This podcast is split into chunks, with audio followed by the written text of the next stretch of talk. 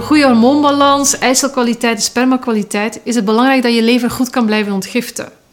En alcohol stopt dat proces.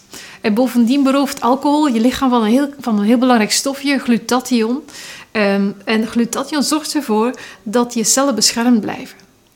En alcohol zorgt ook nog een keertje voor stille ontstekingen in je lichaam. En die stille ontstekingen die hebben ook weer invloed op, op, uh, op celkwaliteit, op DNA-kwaliteit. Die kunnen schade berokkenen aan cellen en DNA. Met andere woorden, alcohol, het verdikt. Ik zou zeggen 1 à 2 glaasjes per week aan bier of wijn is prima. Niks aan de hand. Meer zou ik afraden.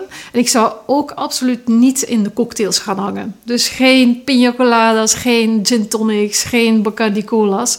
Want die bevatten suiker. En suikers veroorzaken weer stille ontstekingen. En dat wil je echt vermijden. Omwille van die mogelijke DNA-schade aan eicellen, spermacellen of het embryootje. En dan uh, tenslotte, als je weet van jezelf dat het een beetje hommeles is in je darmen en dat je vaak last hebt van je buik en dat je stoelgang niet helemaal uh, oké is, dat wijst vaak op stille ontstekingen in je darmen. En dan zou ik absoluut geen alcohol doen, want alcohol gaat die, uh, die darmflora nog meer verstoren. En een goede darmflora is belangrijk als je zwanger wil worden.